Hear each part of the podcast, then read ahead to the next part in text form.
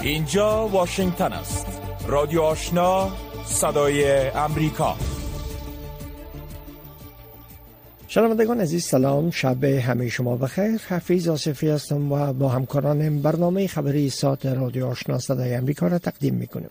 در سرآغاز برنامه خبری ساعت تازه ترین خبرهای افغانستان منطقه و جهان از نسرین محمود عزیزی میشنوین با عرض سلام سازمان بین المللی مهاجرت یا IMO از ادامه کمک ها به مهاجرین برگشت کننده به افغانستان خبر داده و گفته است که از آغاز سال روان میلادی بیش از 220 هزار نفر از این کمک ها مستفید شدند. این سازمان ناوقت روز یکشنبه 27 ماه نوامبر در پیام در تویتر گفت که بیشتر این مهاجران افغان از ایران و پاکستان به کشور خود بازگشتند. به گفته سازمان بین المللی مهاجرت تیم های این سازمان در مرز افغانستان با ایران و پاکستان حضور دارند و به بسیاری از مهاجران افغان که به کشور خود برمیگردند کمک فراهم می کند.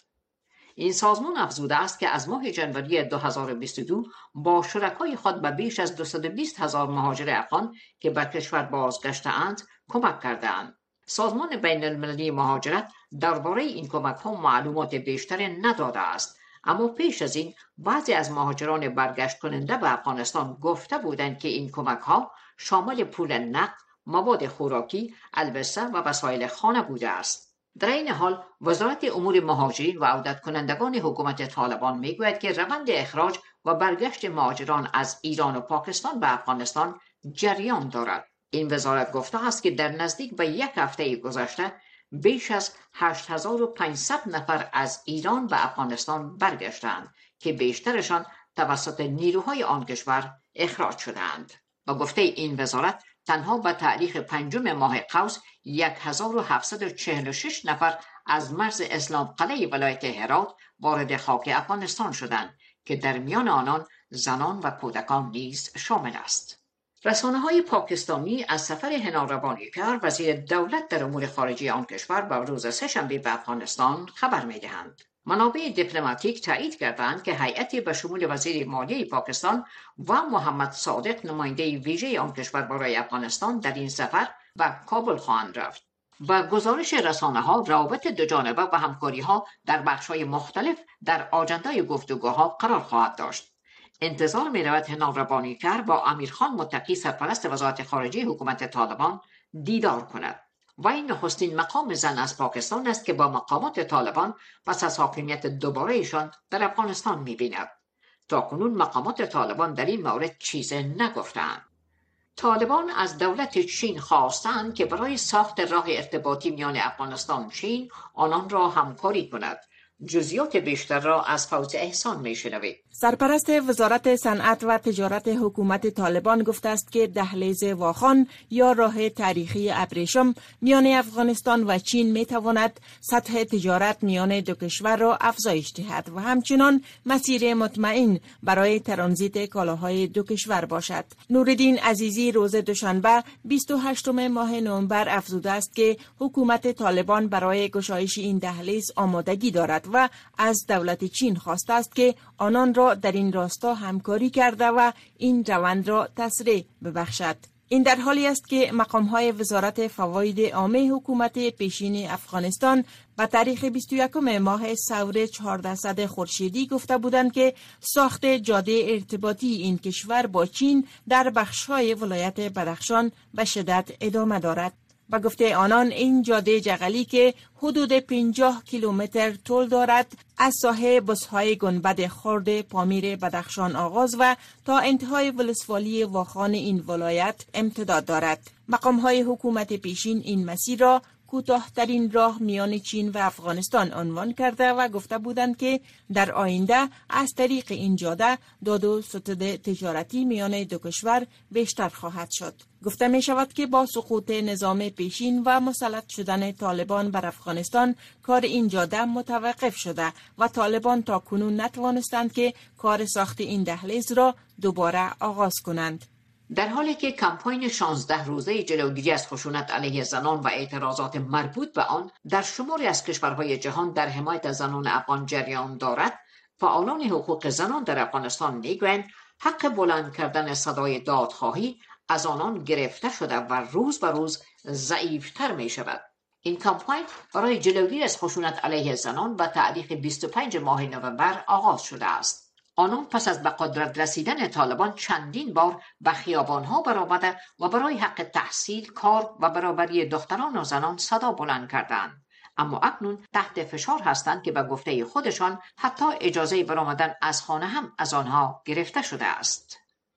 وزارت دفاع حکومت طالبان از روند ترمیم و فعالسازی تیاره های نظامی و ترانسپورتی توسط انجینران قوای هوایی آن گروه در کابل خبر دارد و گفته است که در جریان بیش از یک سال گذشته ده بال تیاره دوباره فعال شده است. عنایت الله خوارزمی سخنگوی آن وزارت روز دوشنبه 28 ماه نوامبر با فرستادن پیامی به خبرنگاران گفت در تازه ترین مورد دو بال تیاره نظامی نوع AN32 و یک تیاره انتقالاتی نوع AN26 ترمیم و آماده پرواز شده است. به گفته وزارت دفاع حکومت طالبان روند ترمیم و فعالسازی تیاره های تخریب شده و غیر فعال توسط انجینران قوای هوایی آن گروه جریان دارد شمار زیاد تیاره های نظامی قوای هوایی افغانستان پس از فروپاشی حکومت پیشین آن کشور به کشورهای همسایه منتقل شده و برخی از این تیاره ها وسای جنگ افزارهای بجا مانده پیش از خروج نیروهای خارجی از افغانستان تخریب شده است. مسئولان شفاخانه افغان ژاپن در کابل می‌گویند با سرد شدن هوا بیماری کووید 19 نیز در شهر کابل افزایش یافته و تنها در یک هفته گذشته پنج تن جان باختند. دکتر طارق اکبر سرطبیب این شفاخانه ویژه بیماران کووید 19 روز دوشنبه گفت آمار واقعات این بیماری رو به افزایش است و به گفته وی در هفته گذشته تعداد بیماران داخل بستر در این شفاخانه 28 تن بود اما در هفته جاری بر 40 تن افزایش یافته است. به گفته آقای اکبر با سرد شدن هوا تعداد مراجعین به شفاخانه افغان ژاپن بیشتر گردیده و در حال حاضر چهل بیمار در این شفاخانه بستر شدهاند که بیشترشان علائم شدید دارند و تعداد مراجعین هم در تناسب به هفته گذشته بیشتر شده است سرطبیب شفاخانه افغان ژاپن افزود پس از ختم قرارداد سازمان صحی جهان مدت دو ماه می شود که کارمندان صحی این شفاخانه بدون داشتن حقوق بیماران را تداوی کرده و همه با مشکلات اقتصادی دست و پنجه نرم می کنند. خبرهای منطقه و جهان را از رادیو آشنا صدای امریکا می شنوید. شی جین پنگ به خاطر پالیسی صفر کووید 19 که به زودی وارد چهارمین سال می شود با موج از خشم بی سابقه مردم در حال روبرو گردیده که تقریبا یک ماه پیش اختیارات جدید و عنوان رهبر بالقوه چین را مادام العمر برای خود اختصاص داد این در حالی است که صدها معترض و پلیس در شانگهای بزرگترین شهر چین درگیر شدند درگیری شب گذشته زمانی رخ داد که تظاهرات علیه محدودیت های شدید کووید 19 در چین برای سومین روز ادامه یافت. اعتراضات در شانگهای در دهه گذشته از زمان روی کار آمدن رئیس جمهور شی جین پنگ به سابقه خوانده شده است. بر اساس گزارش ها گفته می شود که مردم در مناطق مختلف چین از سیاست رئیس جمهور در مورد کووید 19 ناخشنود هستند. تقریبا سه سال پیش رئیس جمهور چین پالیسی هایی را به هدف به صفر رساندن ویروس کرونا امضا کرده بود به اساس گزارش ها کرونا در چین روز به روز تلفات سنگینی را به مردم وارد می کند. سباستیان لوکورنیو وزیر دفاع فرانسه با راجنات سینگ وزیر دفاع هند در شهر دهلی جدید ملاقات کرد. در این ملاقات که امروز دوشنبه صورت گرفت هر دو جانب روی تقویت روابط دفاعی و امنیتی میان دو کشور صحبت کردند این سفر وزیر دفاع فرانسه به هند به حیث بخش از دیالوگ سالانه امور دفاعی فرانسه و هند صورت گرفت. هند 36 تیاره جنگی نوع رافایل را از فرانسه تحت یک قرارداد حکومتی از ماه سپتامبر سال 2016 بدین سو خریداری کرده است. هر دو کشور شمولیت خود را در امور امنیتی در آبهای منطقه اقیانوس آرام و هند با افزایش نگرانی ها از تأثیر چین بر آن منطقه تشدید بخشیدند و روز یکشنبه معترضان در خارج از مقر ناتو در بروکسل برای جلب توجه بیشتر ناتو با وضعیت اوکراین دست به اعتراض زدند. این اعتراض در حال در مقر ناتو صورت گرفت که قرار است فردا سه شنبه ناتو جلسه ای را در بخارست پایتخت رومانیا روی اوضاع اوکراین دایر کند. انتظار می رود که در این نشست کشورها به حمایت بیشتر از اوکراین با شمول فراهم کردن مواد سوخت متعهد گردند. پایان اخبار از رادیو آشنا صدای امریکا شنوندگان گرامی رادیو آشنا صدای امریکا نشرات رادیو آشنا را در موج متوسط 1296 موج کوتاه 11575 اعشاری صفر و در موج 972 کیلوهرتز شنیده می توانید. خبرهای افغانستان منطقه و جهان از رادیو آشنا صدای امریکا شنیدین. حال هم گزارش های ای برنامه. پاریس پایتخت فرانسه یک بار دیگر شاهد اعتراض های تند در برابر سیاست های ایران در کشورهای منطقه بود در کنار شهروندان ایران شهروندان سوریه اوکراین و هم شهروندان افغانستان از کشورهای جهان خواستند تا در برابر سیاست های تند روانه و پشتیبانی کشور از تروریستان هرچه زودتر اقدام کنند گزارش را در این مورد از پاریس از جلال میرزاد میشنوید. مرد بر حکومت بچه کش. مرد بر حکومت بچه کش. این آخرین پیام هدف کل نظامه گرده همای اعتراض آمیز در برابر سیاست های ایران در کشورهای منطقه. شمار از شهروندان افغانستان، اوکراین، سوریه و ویژه ایران اینجا گرده هم آمدند تا از سیاست های ایران در برابر کشورهای منطقه و همکاری کشور با حراس افغانان انتقاد کنند.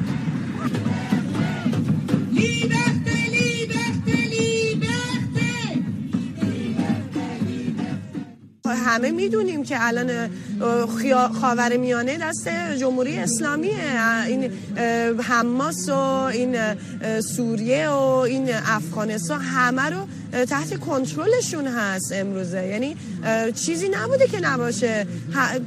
کاملا گروه تروریستی هستن. و ما باید اینو قبول بکنیم و یه کاری بکنیم و که این خاور میانه به آرامش بگیره. میسیو مکرون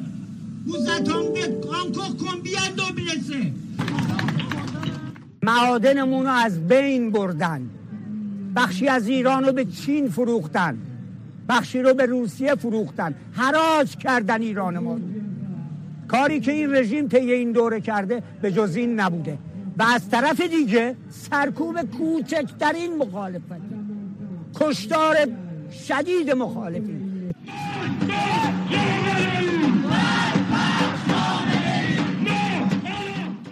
سیاست های جمهوری اسلامی ایران در منطقه به صورت کلی و همچنین در افغانستان سیاست هایی بوده که واقعا ضد انسانی و ضد حقوق بشر بوده.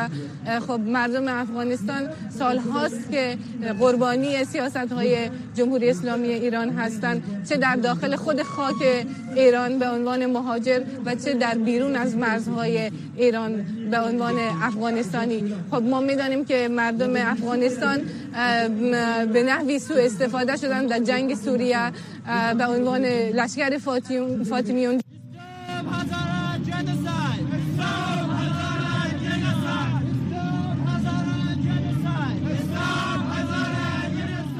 متاسفانه باز هم شاهد هستیم که هزاره ها در دایکندی باز هم مورد جنسایت قرار گرفت اما دنیا می‌بیند و می‌فهمد اما ساکت است. و ما اینجا باز هم آمدیم که در کنار دوستای دیگری که امروز صدای اعتراض بلند می‌کند. ما هم در کنار اونا صدای اعتراض خود بلند کنیم. با این همه انتقادهای تند جمهوری اسلامی ایران تعهدات و توافقنامه‌های در کار مبارزه با حراس افغانی در منطقه و ویژه افغانستان دارد. مقام های کشور همواره دست داشتنشان را در نارمی های دیگر کشورها ویژه افغانستان رد کردند شنوندگان گرامی رادیو آشنا صدای امریکا نشرات رادیو آشنا را در موج متوسط 1296 موج کوتاه 11575 اشاری سفر و در موج 972 کیلوهرتز شنیده می توانید. تشدید مجازات در ملای عام توسط طالبان از طرف نهادهای مختلف بین المللی محکوم شده. برای بررسی دلایل برخوردهای سختگیرانه طالبان در افغانستان در خلال بحران بشری و فقدان مشروعیت حکومتداری گروه محمد احمدی مصاحبه با خانم شهلا فرید استاد پیشین حقوق پوانتون کابل انجام داده که با هم میشنویم. سلام خانم فرید روزتان بخیر. سخنگوی طالبان گفته که این گروه نمی‌تونه قوانین غربی را تطبیق بکنه زیرا افغانستان به گفته او کشور اسلامی هست و اجرای قوانین اسلامی وظیفه نظام است. خانم فرید اما افغانستان امضا کننده میثاق های بین المللی حقوق مدنی و سیاسی هست. احکام جزایی اسلامی چقدر مغایر با این حقوق بین المللی هست؟ و بعد از اینکه بود اسلامی آیا طالبان تمام شرایط اجرایی حدود را مد نظر می‌گیرن به نظرتان؟ ببینین من, من فکر می‌کنم طالبا با یک اشتباه کلان تطبیق می‌کنن احکام شریعت. زمانی که افغانستان های حقوق بشری را پذیرفت و عضویت از این سینا را کسب کرد. تداوم تطبیق قوانین در افغانستان قوانین ملی وجود داشت. ما کود جزا داشتیم. از سال 1343 به این طرف قوانین موضوعه در افغانستان تطبیق می شده بنابر جرایم مختلف را که مردم مرتکب میشن. و خود تطبیق احکام شریعت از خود اصول را داره و از خود محاکم عادلانه را باید داشته باشه. طالبان نه تنها احکام شریعت درست تطبیق نمی کنن بلکه هیچ نوع میار محکمه عادلانه را رعایت نمی کنن طالبان در محاکم یک مرحله ای مردم به جزا مواجه می سازن طالبا خلاف احکام شریعت چیزی که در شریعت گفته خلاف از احکام شریعت تطبیق می‌کنن از یک سو قوانین بین المللی را نقض می‌کنن از سوی دیگر حقوق شهروندی را نقض می‌کنن و از سوی دیگر در تطبیق احکام شریعت هم به اشتباه میرن و فکر می‌کنن که اعمال رکینا انجام میتن اعمال با شریعت برابر است. در حالی که تمام مردم افغانستان مسلمان است جهان و مردم میره می‌دانن که شریعت چیزی نیست که طالبا او را تطبیق می‌کنن بله. فکر می‌کنم به عنوان یک دولت مسئول که آل قدرت به دست دارن تمام قانونسینایی را که افغانستان عضویت از داره به او باید احترام بگذارن. و او را رعایت کنن. که از جمله قانونسین من شکنجه است که سالهای متمادی است که افغانستان عضویت از کسب کرده. افغانستان با بحران بشری مواجه است. تطبیق این قوانین سختگیرانه که به تعبیر طالبان اسلامی هست چقدر وضعیت را در افغانستان وخیمتر می سازه و آیا نیاز به تطبیق این قوانین در شرایط فعلی هست؟ من اگرچه شروع سوال شما را ندارستم صداقت شد ولی امی برداشت از سوال شما ای بود که از لحاظ جامعه شناسی جرم شناسی نخیر. زمانی که در کشور مردم به فقر مواجه می باشه مردم به بحران مواجه می باشه مردم طفل خود به خاطر رفع گرسنگی خود به فروش می رسانن در اینجا ضرور نیست قوانین سختگیرانه که اینا به نام شریعت رو یاد می‌کنن و تطبیق شود. چون ارتکاب جرایم از خود عوامل اجتماعی داره و جرم خودش یک پدیده اجتماعی است. هر قدر که عوامل از او بیشتر میشه جزا باید آسانتر تطبیق شود بالای افرادی که جرم را مرتکب میشه. بله. لذا من فکر می‌کنم در شرایطی که فعلا مردم افغانستان قرار داره زمینه تطبیق هیچ نوع احکام شریعت مساعد نیست از یک سو. از سوی دیگه اینا محاکم مرحله ای ندارن اینا قضات عادل ندارن. اینا قضات از اینا به نام ملاهایی است که سالها را در کوه سپری کردن و حال اونا نمی‌تونن که عدالت تطبیق کنن و اکثریت چون به مشکلات روانی مواجه هستن بله. لذا در تطبیق قوانین توسط اتر اشخاص نقض حقوق شهروندی را بیشترتر میزن کمپین 16 روزه محو خشونت علیه زنان از روز جمعه آغاز شده. چقدر فریاد زنان طی 15 ماه گذشته برای حق دسترسی به آموزش کار و آزادی مؤثر بوده و طالبان چرا به این خواستها تا به حال تمکین نکردند؟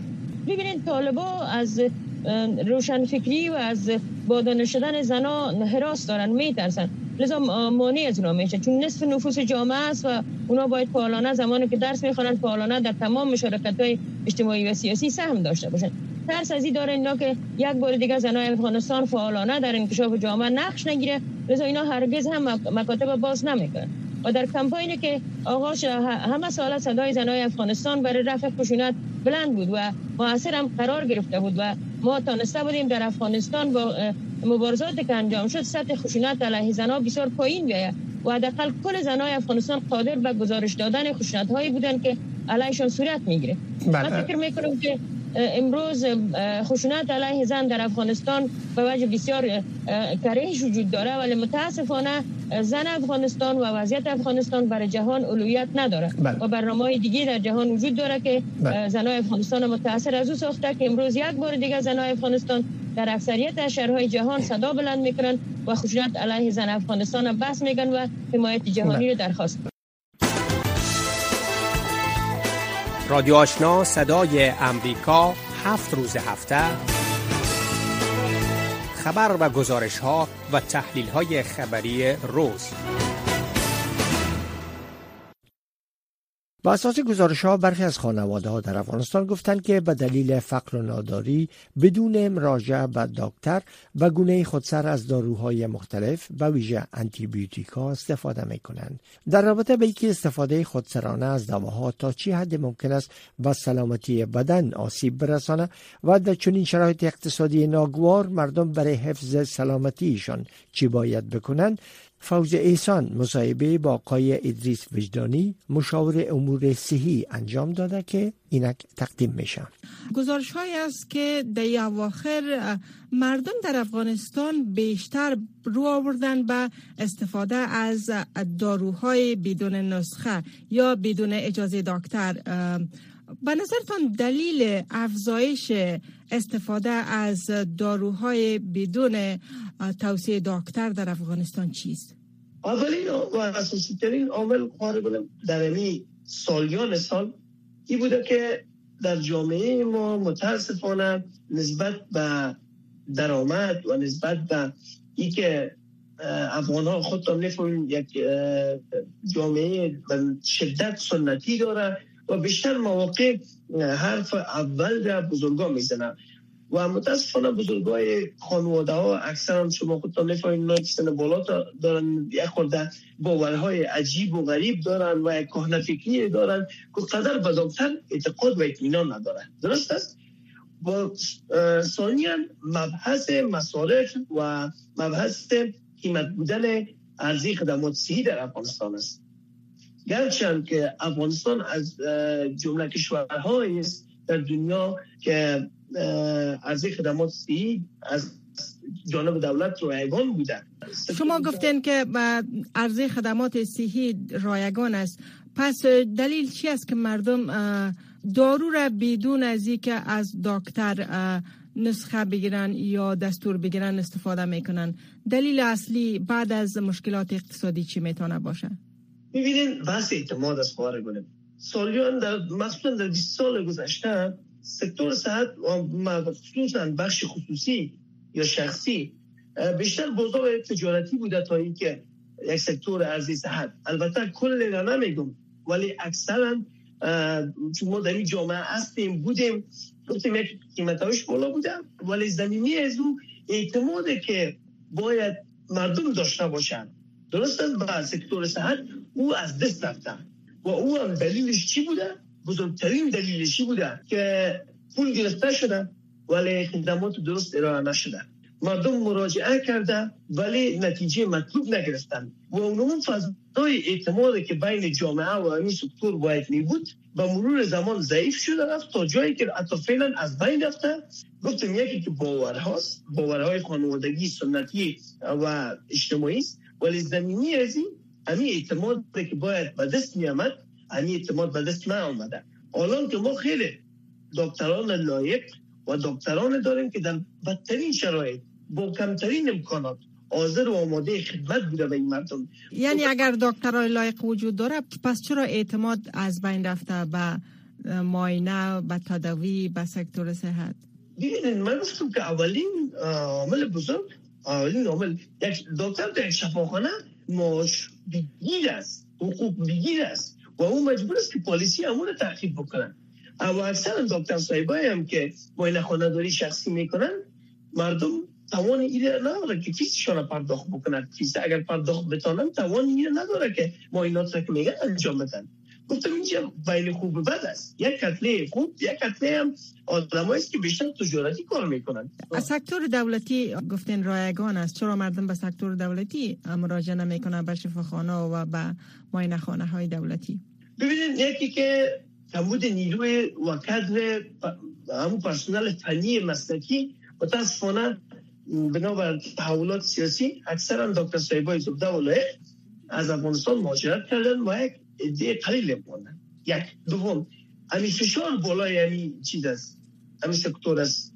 فشار بالای سکتور دولتی چی قسم است؟ که یعنی جمعیت زیاد است و مراکز کم است. و پاسخگو بوده نمی‌تونن. خیلی از مردم از قرا قصبات ولایت ها میاین به شفاخانه دولتی ولی زمانی که نتیجه گرفتن همیشه کیفیت این است درست است. بسیار تشکر و در آخر کوتاه اگر بگوین تاثیرات دواهای بدون جواز دکتر یا بدون توصیه دکتر چی می‌تونه باشه؟ برای هموطنان می‌خوایم. میره بگویم که بدون چون و چرا نه تنها استفاده ادویه خودسر و بدون مشوره دکتر خطرناک است بلکه در بس موارد کشنده و از بین است. اگر این مسئله را جدی نگیرن شاید روز فرا برسه که از این مسائل یک بحران عمیق انسانی به وجود بیاید. چرا چون امیال سفتریتون یک ویال است برای میکروب یک انتیبیوتیک که بسیار عام است در افغانستان و مردم مردم خودشان رو آوردن به استفاده خودسر از سفتریتون اینمی در عادیترین قدمه واقعیت انافلیتیک یا اساسیت در بر داره که کشنده است که بگیرم مثلا ما و یک خورده من میفهم درک می‌کنم مدنی جامعه هستم همین چه کار می‌کنم من یک عضو از جامعه سی مردم وضعیت مناسب ندارن ولی ولی حداقل بدون مشغلی دکتر اقدام به عرض خودسر دوا نکنه.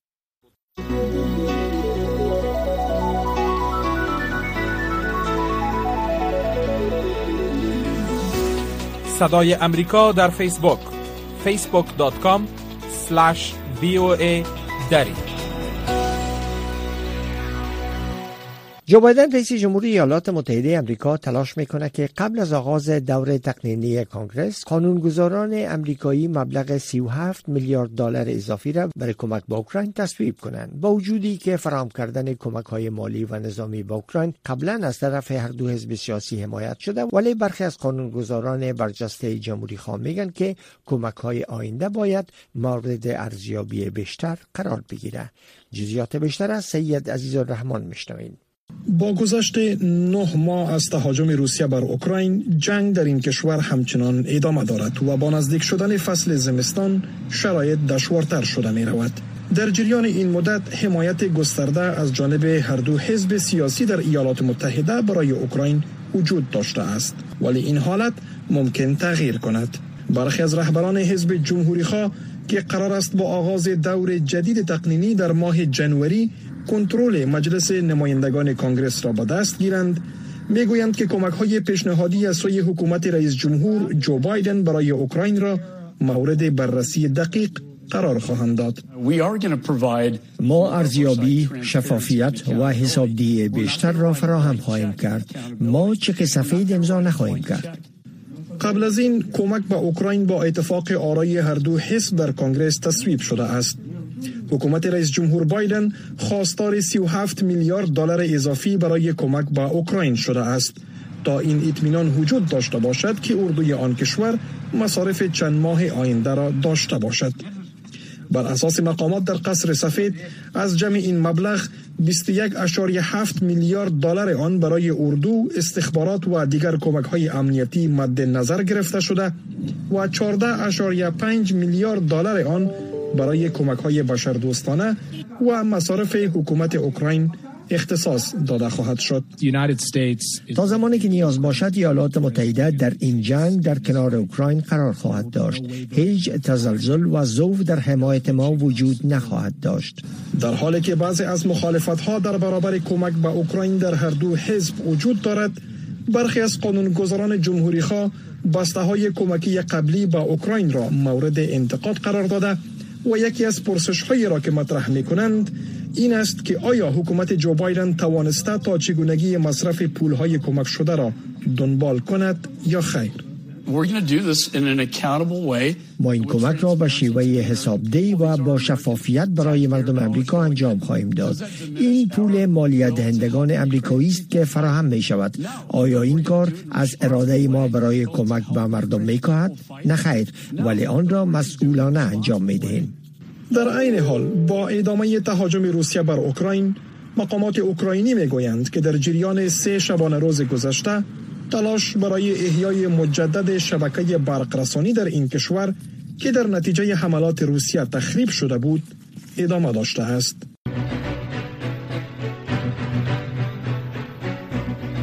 شنوندگان عزیز ای بود داشته های برنامه خبری که در همینجا به پایان رسید اما نشرات پشتو و دری رادیو آشنا صدای امریکا همچنان ادامه داره. شنونده رادیو آشنا باشید.